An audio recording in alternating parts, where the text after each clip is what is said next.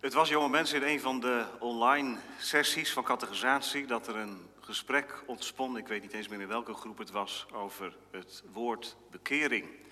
En toen vroeg iemand, ja, maar wat is dat nou eigenlijk? Bekering.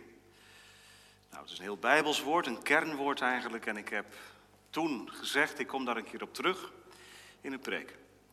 En 1 Petrus is aan de beurt, opnieuw aan de beurt. En vorige week hebben we één vers laten liggen. En daar komt juist dat woord bekering heel mooi naar voren. Dat was voor mij reden om deze dienst bij vers 25 van 1 Petrus 2 stil te staan. En jullie en ons allemaal uit te leggen aan de hand van deze tekst wat bekering is. Maar laten we eerst het gedeelte lezen, de context waarin het staat, 1 Petrus 2, vanaf vers 19 tot en met 25. 1 Petrus 2 vanaf vers 19 tot en met 25. Petrus schrijft daar, want dat is genade als iemand om het geweten voor God dingen verdraagt die hem pijn doen en daarbij ten onrechte leidt. Want wat voor roem is er als u het geduldig verdraagt wanneer u zondigt en daarvoor slagen ontvangt? Maar als u het geduldig verdraagt wanneer u goed doet en daarvoor lijdt, is dat genade bij God. Want hiertoe bent u geroepen, omdat ook Christus voor ons geleden heeft. Hij laat ons zo een voorbeeld na, opdat u zijn voetsporen zou navolgen. Hij, die geen zonde gedaan heeft en in wiens mond geen bedrog gevonden is, die, toen hij uitgescholden werd, niet terugschold en toen hij leed, niet dreigde, maar het overgaf aan hem die rechtvaardig oordeelt, die zelf onze zonden in zijn lichaam gedragen heeft op het hout, opdat wij voor de zonde dood, voor de gerechtigheid zouden leven. Door zijn striemen bent u genezen, want u was als dwalende schapen maar u bent nu bekeerd tot de herder en opziener van uw zielen. Tot zover de lezing uit het woord van God. Want Hij is onze God en wij zijn het volk van Zijn heerschappij, de schapen die Zijn hand wil wijden. Als je Zijn stem dan heden hoort, geloof Zijn heil en troostrijk woord, verhad je niet, maar laat je leiden. Psalm 95, het vierde vers, zingen we straks na de Wat is bekering? Mooie vraag. Belangrijke vraag ook. Misschien wel de belangrijkste vraag die je jezelf kunt stellen. De tekst van vanmiddag geeft drie elementen die samen het antwoord vormen. Wat is bekering? Nou, allereerst, ik ben gezocht. In de tweede plaats, ik ben gevonden. En tot slot, slot, ik word bewaard. Ik ben gezocht, want u was als dwalende schapen verloren. Ik ben gevonden, maar u bent nu bekeerd tot de herder. Ik word bewaard. Die herder is ook de opziener, de inspecteur, hij die ons niet alleen onder handen neemt, maar ook verzorgt, bekijkt, leidt, beschermt, bewaart tot het eeuwige leven. Wat is bekering? Ik ben gezocht, ik ben gevonden, ik word bewaard. Allereerst, ik ben gezocht. Nou, gemeente, jonge mensen hier, fijn dat er zoveel zijn. Thuis, jongeren die meekijken. Schapen en herder, daar kunnen we ons natuurlijk wel iets bij voorstellen. Zeker als je op de Veluwe woont. Je hoeft niet heel ver te rijden, Hoogbuurlo, om daar de schaapskudde tegen te komen. En de herder is ook heel vaak in de buurt. Lieflijk tafereeltje. Het heeft iets Engels haast hè, als je daar loopt. Glooiend, die heide, wat schapen. En als de zon dan schijnt, dan lijkt het wel een heel lieflijk plaatje. Dat lijkt het. Want schapen zijn wel schapen. En volgens de Bijbel is daarbij heel veel gezegd. Het gaat in de tekst, jonge mensen, niet over honden, maar over schapen. Petrus roept dat beeld op. En je hoeft echt geen schaapherder te zijn om te weten dat schapen natuurlijk koppig en eigenwijs zijn. Nog niet zo lang geleden kreeg ik een filmpje onder ogen van een schaap wat in een greppel terecht was gekomen. Het werd eruit gehaald door iemand die met heel veel liefde en zorg dat beest weer op zijn poten zette. En met een grote sprong vluchtte het weg. En na een paar sprongen sprong het in dezelfde greppel. Dat is een schaap. Dom. Koppig. Eigenwijs. Dat ben jij. Dat ben ik. Volgens de Bijbel. Een schaap. Een schaap is ook iets hulpeloos, hè? Want het kan zich niet verweren. Een schaap kan alleen maar vluchten. Het heeft geen klauwen. Het heeft geen tanden om te bijten. En het is ook nog eens zo onhandig als het maar zijn kan, want als het op de rug ligt, dan is het ten dode opgeschreven. Dan komt het vanzelf niet op de poten terecht. Het moet geholpen worden. Schapen. Als je geen herder hebt, gemeente, jonge mensen, dan ben je echt verloren. De heer Jezus gebruikt dat woord verloren. Petrus gebruikt hier het woord dwalend. Dat zit er tegenaan. Jezus heeft het in de gelijkenis van het verloren schaap, van de zoekende herder, over schapen die verloren zijn. En wat is dat dan, verloren zijn? Dan denken wij, ja, dat zijn schapen op een afstand van de herder, maar het gaat nog veel verder. Schapen die verloren zijn, dat betekent schapen die niet op eigen kracht in leven kunnen blijven, die ten dode zijn opgeschreven, die zonder de hulp en tussenkomst van een herder helemaal niets kunnen doen. Dat betekent het woord verloren. En in het licht van de Bijbel, van de Bijbelse werkelijkheid, dat wij mensen op reis zijn naar onze eeuwigheidsbestemming, betekent dat ook nog eens een keer dat als je verloren bent, je voor eeuwig verloren gaat als niemand je vindt. Dat is heftig. Dwalende schapen, zonder kompas, zijn een makkelijke prooi voor wilde dieren. Je hebt echt een herder nodig. Nou, jonge mensen, dit is de tekening van ons leven. Als we het hebben over bekering, dan is dit de achtergrond. Wij zijn dwalende schapen. We leven los van de herder. En ik weet niet of je wel eens een schaap hebt gezien wat van de kudde afdwaalt, wat van de herder weg, weggaat. Maar die schapen lijken daar ook nog niet heel erg van onder de indruk te zijn. Nou, als ze dat nou wel waren, dan zouden ze natuurlijk terugkeren naar de kudde of naar de herder. Maar schapen, die zien niet in in welke gevaarlijke positie ze zich bevinden. Dat is het akelige en het verraderlijke ook. Zonder herder ben je een dwalend schaap en een dwalend schaap leeft, maar weet niet hoe lang dwaalt rond, weet niet waarheen, welke eindbestemming. En is overgeleverd aan de machten die sterker zijn dan hem. Buiten God is geen leven. Ben je kwetsbaar? En is het zomaar gebeurd met je? En dan? Ik weet wel, Petrus schrijft hier, jonge mensen, aan christenen. daarom kan hij ook zeggen, u was dwalende schapen. Maar de achtergrond is wel dat ze dwalende schapen waren. En waarom zeg ik dat met zoveel nadruk, gemeente? Omdat,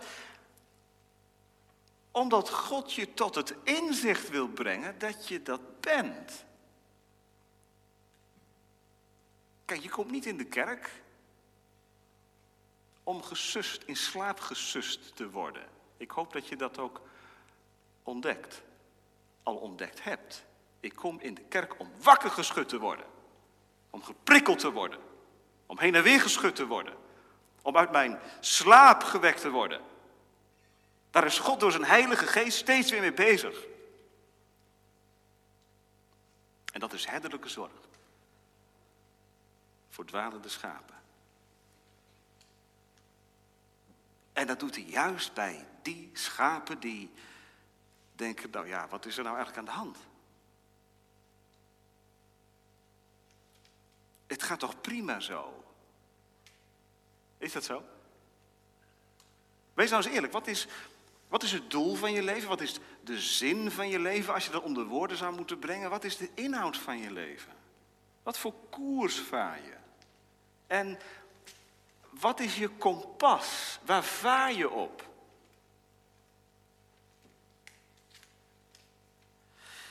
Of herken je je ook in de tekening die Petrus hier geeft van ronddwalende schapen? Als Petrus dat zo onder woorden brengt, hè, dwalende schapen, dan denken wij, ja, dat is wel zielig. Hè? Schapen die rond waren, dat, dat, zijn hele zielige beesten. Want ja, als er een, een, wolf of iets anders in de buurt komt en die, die bespringt dat schaap, dan, dan is het gewoon gedaan met dat schaap. Ach, wat zielig. Maar gemeente, wij zijn niet zielig. Wij zijn verantwoordelijk. Jonge mensen, als je geen herder hebt, geen persoonlijke band met de herder hebt, ben je niet zielig, je bent verantwoordelijk. Ons dwalen, ons verloren zijn, is volgens de Bijbel geen lot, dat is ons overkomen, oh wat zijn we zielig. Nee, dat is een daad. Dat is een daad van verzet, een daad van opstand. En dat houden we ook heel hardnekkig vol. Zo zitten we in elkaar. Petrus die verbindt dat dwalende schapen met het voorafgaande. Kijk maar, het woordje want, hè, je weet, dat betekent, dat is een reden. Want u was als dwalende schapen. Nou, waar ging het in het voorafgaande over? Het ging over Christus die zichzelf aan het kruishout liet vastspijkeren en onze zonden gedragen heeft, vers 24, op het hout. Het gaat over zonden. En zonden zijn geen dingen die je overkomen, zonden zijn dingen die je doet. Dus dat ronddwalen, dat doe ik. Daar ben ik mee bezig. En in de kerk, en als je leest in de, de Bijbel, dan is dat wat er gebeurt. Hè? Wat, wat de Heilige Geest eigenlijk wil bewerken. Dat je dat gaat inzien. Dat jouw zondaar zijn je niet is overkomen, maar dat dat iets is wat je heel hardnekkig volhoudt. Dwalen.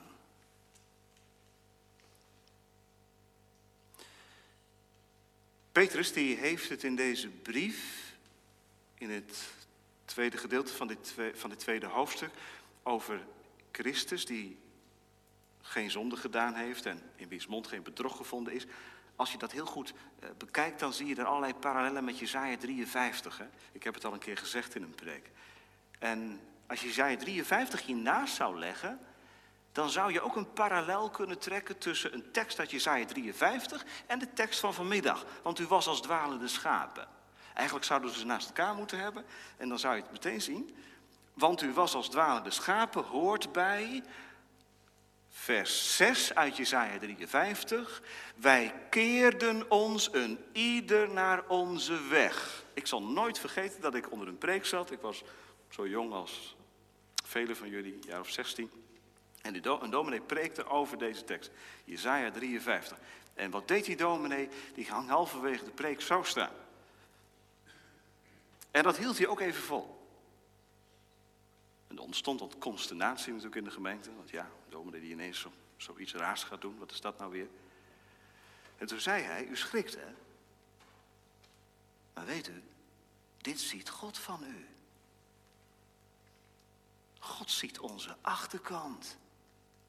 Want er staat in de Bijbel, Wij keren hem de rug en de nek toe. Nou, wat zie je als iemand jou de rug en de nek toekeert? Inderdaad, zijn achterkant. Dat is natuurlijk hoogst onbeleefd als je in gesprek bent. En iemand draait zich om en die loopt weg. Dan denk je, wat is dat nou voor iemand? Gemeente, wat moet God wel niet van ons denken? Wij keerden ons een iegelijk naar onze weg. Gaat het een beetje lichten, jonge mensen? Dwalende schapen, ach wat zielig, helemaal niet. Wij keerden ons een iegelijk naar onze weg. Daar kies je voor. Heb je omgedraaid. We hebben niet de neiging om God lief te hebben. We zijn geneigd om God te haten. Van ons af te duwen, van ons af te houden. En in de kerk beleid je dat. De kerk is een plaats waar je dat gaat toegeven, gaat leren nazeggen. Wat is bekering? Ik ben verloren. Ik ben gezocht. Ja, dat is toch wel iets anders, hè? Het eerste punt was niet ik ben verloren, maar ik ben gezocht. Dat maakt dat verloren alleen maar erger, weet u dat? je kunt soms in, ik doe wat ik kan doen, ik bid en ik ga naar de kerk en ik lees uit de Bijbel en wat kan een mens nog meer doen? En soms krijg je een beetje de indruk dat die mensen dat ook wel heel makkelijk zeggen. Als een soort schild hè, om je achter te verschuilen. Van ja. Maar gemeente, jonge mensen, we zijn dwalende schapen, dat is heel erg waar. We zijn verloren, dat is heel erg waar. Maar weet u, de spanning wordt nog meer op ons leven gezet als wij beseffen dat wij gezocht zijn, gezocht worden. Begrijpt u dat? Gemeente, we hebben niet te maken met een God die het koud laat. Die het niet, zich niet zoveel aantrekt dat wij dwalende schapen zijn. We hebben een God in de hemel en we beleiden een God die het aan zijn hart gaat dat wij hem verlaten hebben. Daarom lezen we voor vers 25 dat grote wonder dat Christus zichzelf gegeven heeft. En zelf onze zonden in zijn lichaam gedragen heeft op het hout. En daarom kan ook nooit, van ons, nooit een van ons zeggen, ja, ik ben onbekeerd, ik kan, er, ik kan er niks aan doen. Ik wil wel, God wil niet. Gemeente, het is de omgekeerde wereld. God wil wel, ik ben gezocht. Ik word gezocht.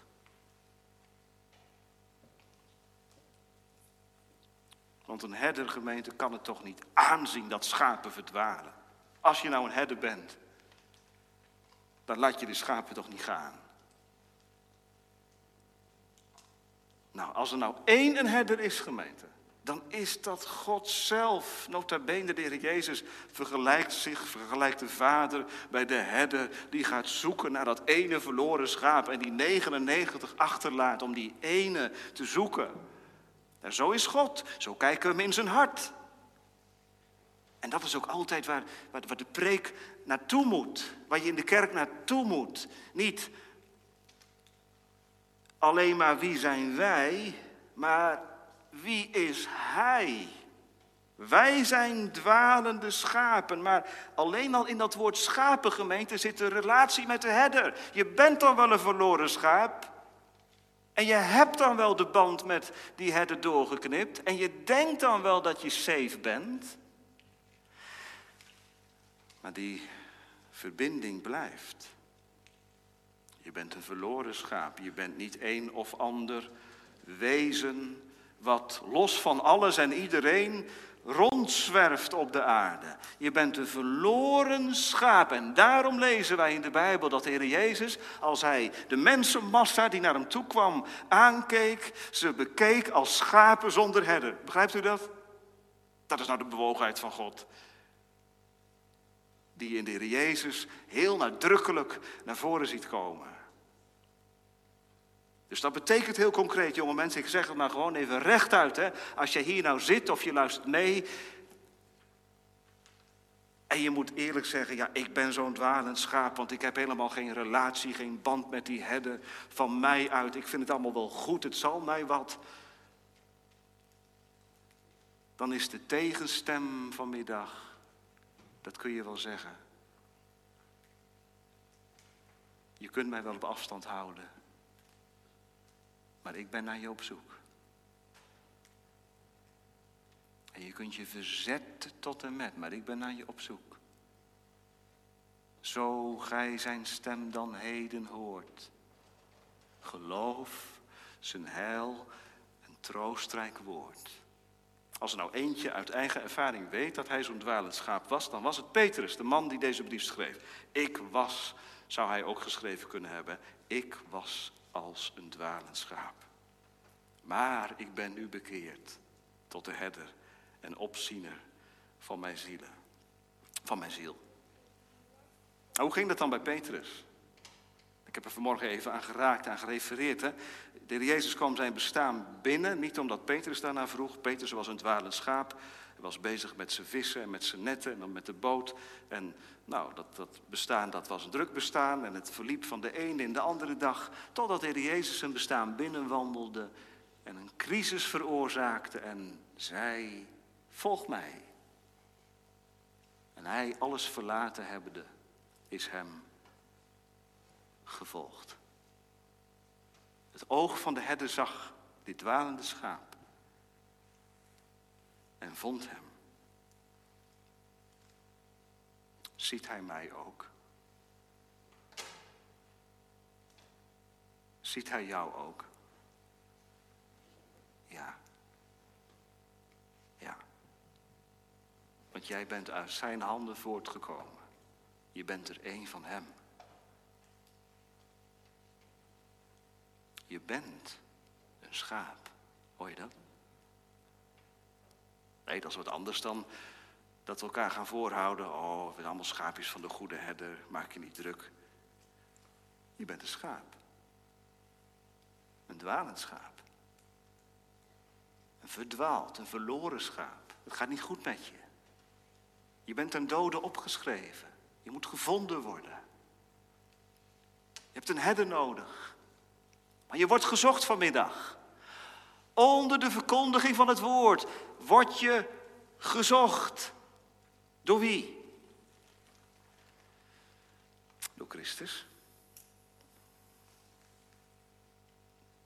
En als je dat moeilijk kunt geloven, de Heilige Geest heeft ons het evangelie gegeven als een venster waardoor wij het leven van de goede herder binnen kunnen wandelen, binnen kunnen kijken. En als wij het evangelie lezen, dan kunnen wij niet anders dan tot de conclusie komen. Hier is een man met een bewogen hart. Hier is een herder die met voorbijgaan van zichzelf dwalende schapen zoekt. Hier is een verlosser die kosten nog moeite spaart om dwalende schapen te vinden. En die zelfs, zegt Petrus, aan het hout als het lam geslacht wordt. Al heb je hem de rug toegekeerd. De herder laat zijn gezicht zien. Nooit vergeten. Heeft God jouw gezicht al gezien? Wat betekent dat dan? Dat je eerlijk wordt. Is dat ook niet bekering? Dat je over de brug komt. Dat je beleidenis doet van wie je bent en wat je gedaan hebt. Dat je zegt, zoals het erop staat. Ja, maar ik voel het niet. Zeg het woord na. Spreek het woord na. Ik ben een dwalend schaap. Zeg het vanmiddag tegen hem.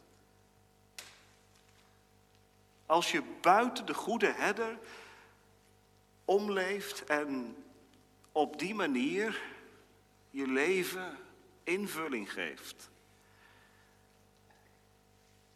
Zeg het hem. Neem de woorden van Psalm 32 met je mee. En keer je tot die herder. Wat is bekering? Dat je dit zegt en beleidt. Ik doe beleidenis van mijn zonde, Heere God. Ik peil en ik voel de grootheid van mijn verdwalen en van mijn verloren zijn niet. Maar ik zeg het tegen u. En dat klinkt hem als muziek in de oren, gemeente. Als mensen eerlijk worden, weet u waarom? Dan is er wat te doen voor de herder. Dan kan de herder zijn werk afmaken, om zo te zeggen. Want waar wil de herder nou zijn? Nou, hij laat 99 schapen die veilig in de stal zitten achter om het ene verloren schaap te redden. Waar wil de herder nou zijn? Bij een jongen die verstrikt zit in de slavernij van de zonde. Bij een meisje dat als een dwalend schaap bezig is met haar identiteit en je vindt het zo belangrijk wat anderen van je vinden. Maar waar is de herder in je leven? De herder zoekt. Daar is hij nu mee bezig. Onder de verkondiging van het woord zoekt hij. En de woorden die uitgesproken worden zijn even zoveel onderstrepingen van zijn activiteit. Zit er bij jou geen schot in de zaak? Bij hem wel. Hij komt niet langs, maar hij komt naar je toe. Dwalende schapen. En waar je ook zit en hoe anoniem je ook bent, hij weet je te vinden, want je bent een schaap van hem. Een dwalend schaap. Nou, dat is denk ik ook een bemoediging hè, voor een schaap wat gevonden is door de goede herder en zegt, ja, ik ben weer aan het dwalen geraakt. Hij kent en hij doorgrondt mij. Is de kerkdienst niet één groot blikken in het hart van de herder? Heb je die zondag niet daarom ook nodig, dat je weer uit de benauwdheid van je eigen hart getrokken wordt en blikt in de ruimte van zijn hart en van zijn handelen. U was als dwalende schapen. Was, dat brengen we bij de tweede gedachte, gevonden door hem. Was. En ik dacht in de voorbereiding ook aan de beleidenisdienst die aanstaande is. Een aantal jonge mensen al beleidenis te doen van het geloof. En ze hebben brieven geschreven en met de meeste van hen heb ik inmiddels een gesprek gehad. En wat valt dan op? Nou ja, wat opvalt is dat die jonge mensen niet zeggen, nou ik weet het allemaal wel. En ik kan helemaal vertellen hoe het gegaan is en uh, het lek is boven water. En natuurlijk doe ik beleidenis en dat is toch, dat is toch logisch, uh, vanzelfsprekend. Er zijn hele verschillende jonge mensen. De een kan heel nadrukkelijk getuigen van de hoop die in hem is. Omdat er iets gebeurd is, radicaal. De andere is schuchter. Wat mij opvalt, gemeente, is dat deze jonge mensen van zichzelf afwijzen. En dat is beleidenis doen. Dat is niet dat je met jouw geloof komt en met jouw gelovigheid. Maar dat is nou precies andersom. Dat je wijst naar Hem van wie je al je heil verwacht. Dat is beleidenis doen van het geloof. Ik kom niet zelfverzekerd, maar ik kom verzekerd van Zijn hartelijke liefde en trouw, gevonden door Hem. U was als dwalende schapen. Ja, waarom zegt Petrus dat eigenlijk? Ik zei al, Petrus die schrijft aan christenen. Nou, dan is het toch niet meer nodig om dat te zeggen. Dat is toch iets wat je achter je laat. De zonde, dat is een gepasseerd station. U was als dwalende schapen. Het is heel opvallend, gemeente. Paulus doet dat later ook ergens dat hij het verleden wel degelijk een plek geeft in het beleven van het christen zijn. Dat is dus heel bijbels. Dat je ook als je kind van God bent, gevonden bent door de herder, dat dat verleden toch meegaat. Dat kun je ook niet vergeten natuurlijk. Je eertijd, zeg maar. Hoe het was. En zeker als je radicaal tot, tot bekering gekomen bent, is dat iets wat, wat heel nadrukkelijk meegaat. Als dat heel geleidelijk gegaan is, is dat misschien wat minder. Maar Petrus zegt tegen die christenen die gevonden zijn door de goede herder: U was als dwalen de schapen, bedenk dat maar. Ga er niet aan voorbij. Waarom? Gemeente, dat maakt het wonder alleen maar groter. Als je nou zit te luisteren als een, als een gevonden schaap, dan word je als het ware door de tekst vanmiddag teruggeleid naar je verleden.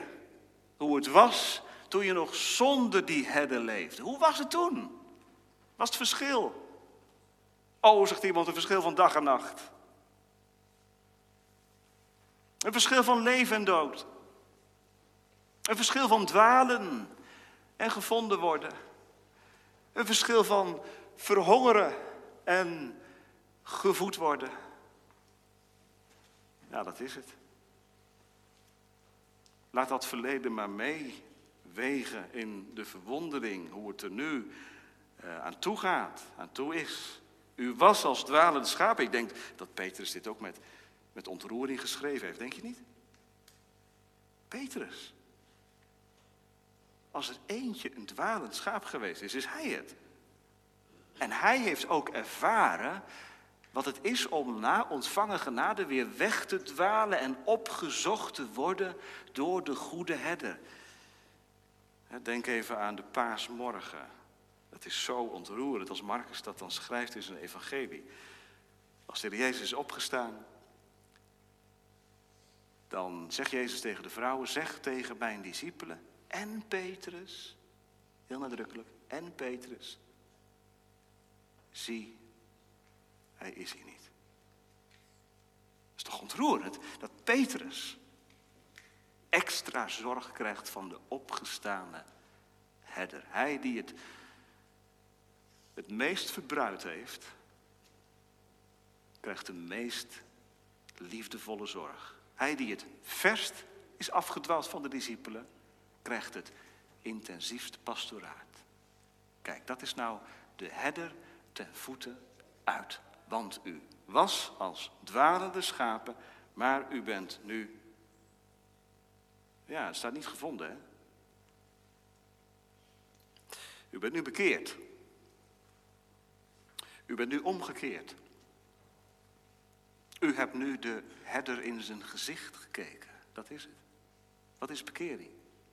Dat je voor het eerst de Heer Jezus in de ogen gaat kijken. Dat is bekering.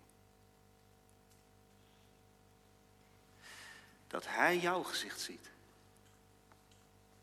En jij zijn gezicht. Nou, en dat is niet iets wat je in het voorbijgaan even doet natuurlijk. Als er nou iemand is die je heel veel verdriet gedaan hebt. Ik denk even aan de kinderen. Komt wel eens voor dat je iets doet. Bij je broertje bijvoorbeeld. Je geeft hem een douw en hij valt om. En je moeder ziet dat. Je zegt, ja kom nou zeg, ga je hem even naar de gang toe. En na verloop van tijd kom je in de keuken en dan zie je je moeder. En dan kijken jullie elkaar aan. En dan zeg je, sorry. Dit had ik niet moeten doen.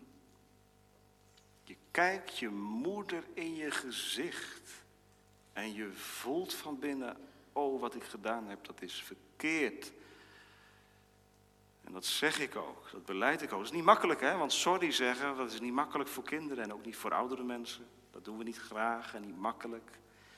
Maar bekering, dat is wel in de diepste zin van het woord sorry zeggen.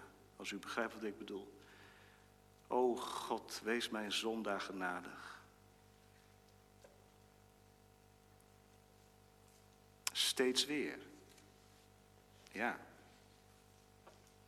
De heer Jezus heeft toch, zich toch niet vergist.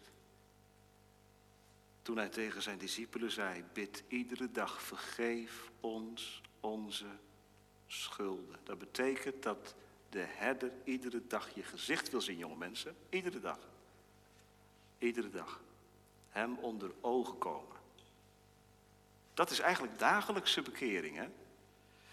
Want ik ga misschien iets heel ingewikkelds zeggen, maar eigenlijk kennen we geen bekeerde mensen in de Bijbel. Bekeerde mensen bestaan niet. Want bekeerde mensen, dat zouden mensen zijn die, nou ja, die het allemaal weten en overzien. En die bekeerde mensen bestaan niet. Mensen die zich bekeren wel. Mensen die zich dagelijks bekeren wel. Maar u bent nu bekeerd. Er is dus een omkeer gekomen. Moet je dan weten van een punt in de tijd? Ja, dat zou wel makkelijk zijn misschien. Zou ook wel helpend kunnen zijn.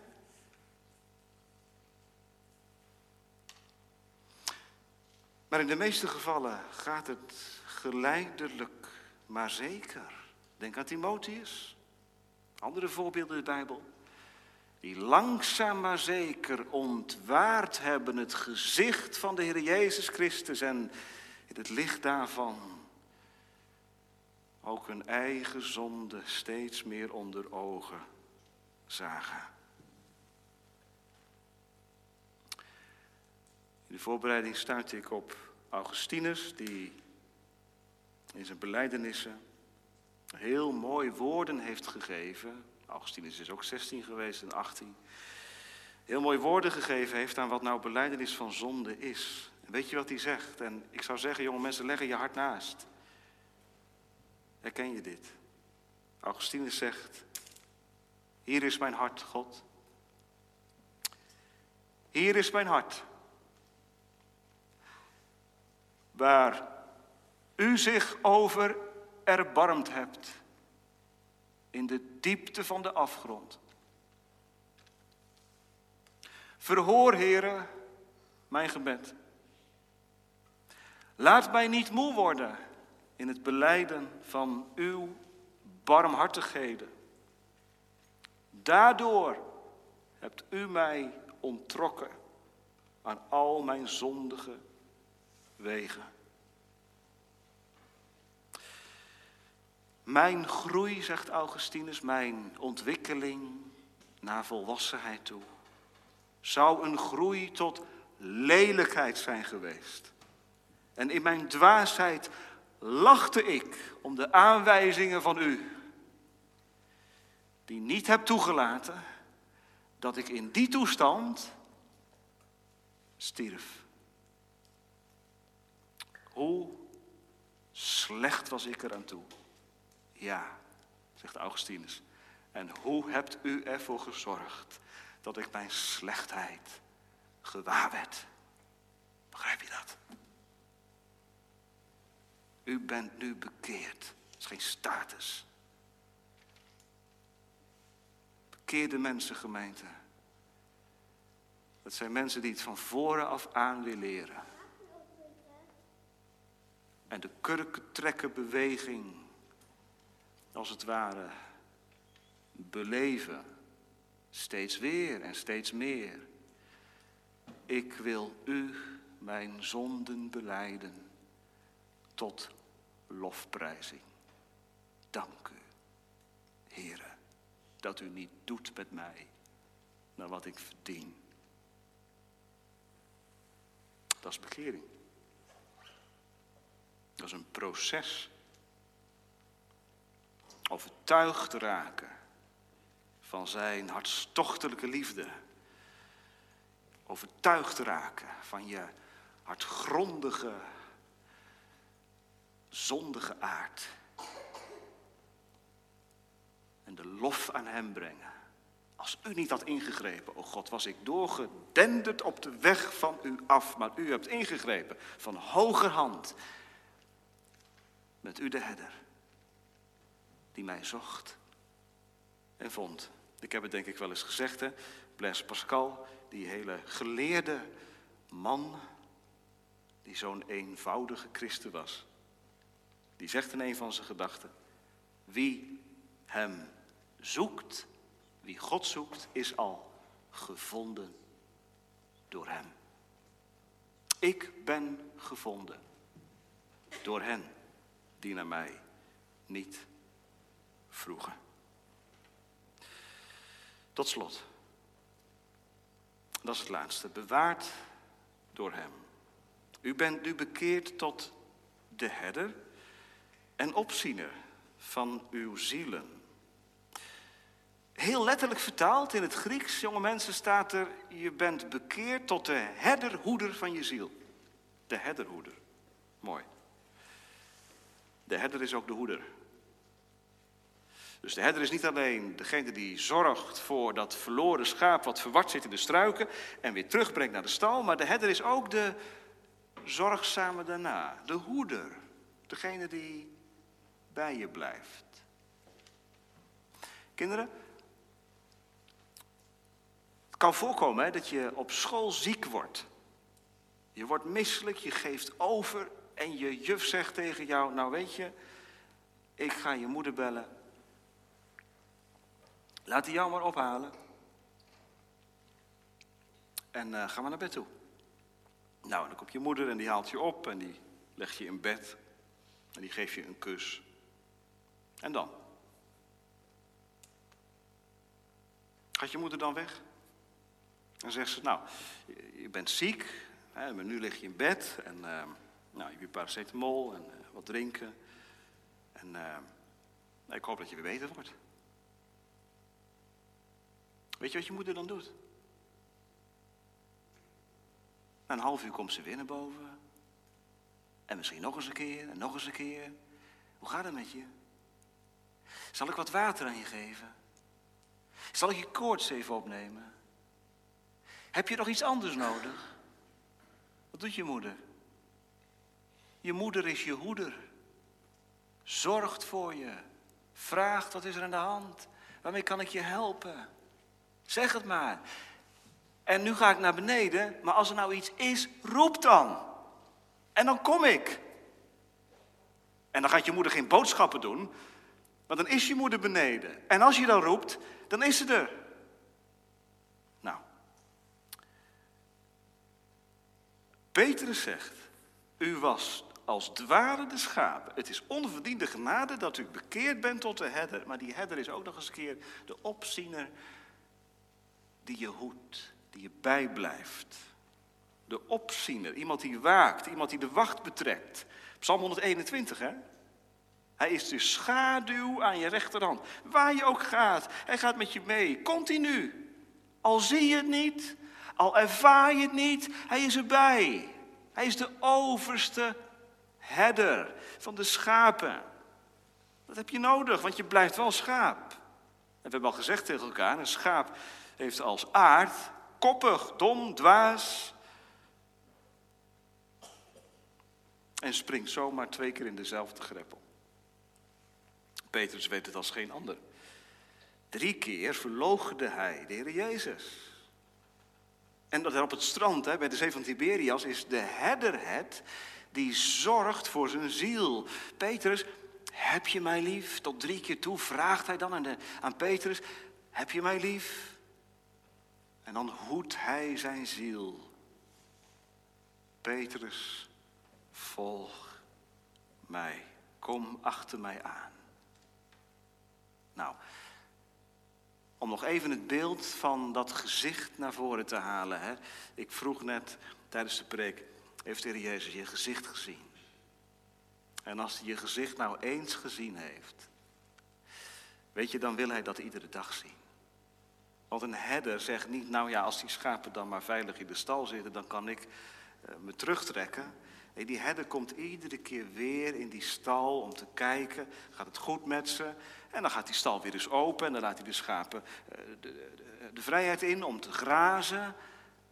De herder is voortdurend betrokken op het wel en wee van ieder schaap. En hij weet ook van ieder schaap, dit heeft dit schaap nodig en dat schaap heeft dat nodig.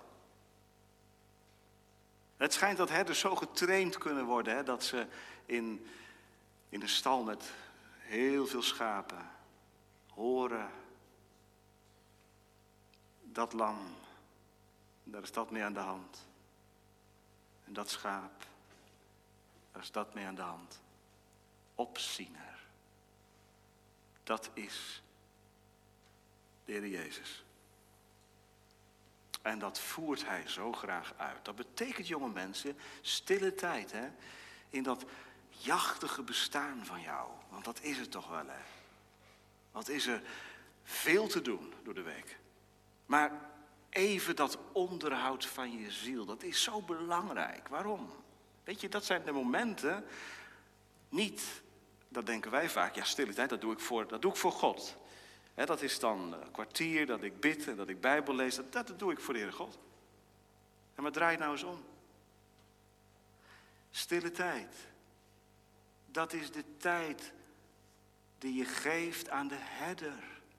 Om opzicht te houden over je ziel. Net zoals vandaag. Waarom ga je naar de kerk? Ja. Je gaat naar de kerk omdat dat hoort en omdat dat hoort bij het christelijk geloof. Nee, maar het is ook de tijd die je aan de opziener geeft. Om onderhoud te plegen. Om je te inspecteren. Om je te corrigeren. Corrigeren, om je te sturen. Om je liefdevol te leiden. Hij is de opziener van onze zielen. Zielen, dat is de binnenkant hè, van, je, van je leven. Waar niemand iets van, van ziet en weet, dat weet hij. En dat is mooi hè. Die geheimen die hij verborgen houdt. Voor je vriend, voor je vriendin, voor je ouders. Dat wat niemand mag weten. Die zwarte bladzijden. Die escapades. Dat dubbele leventje van je.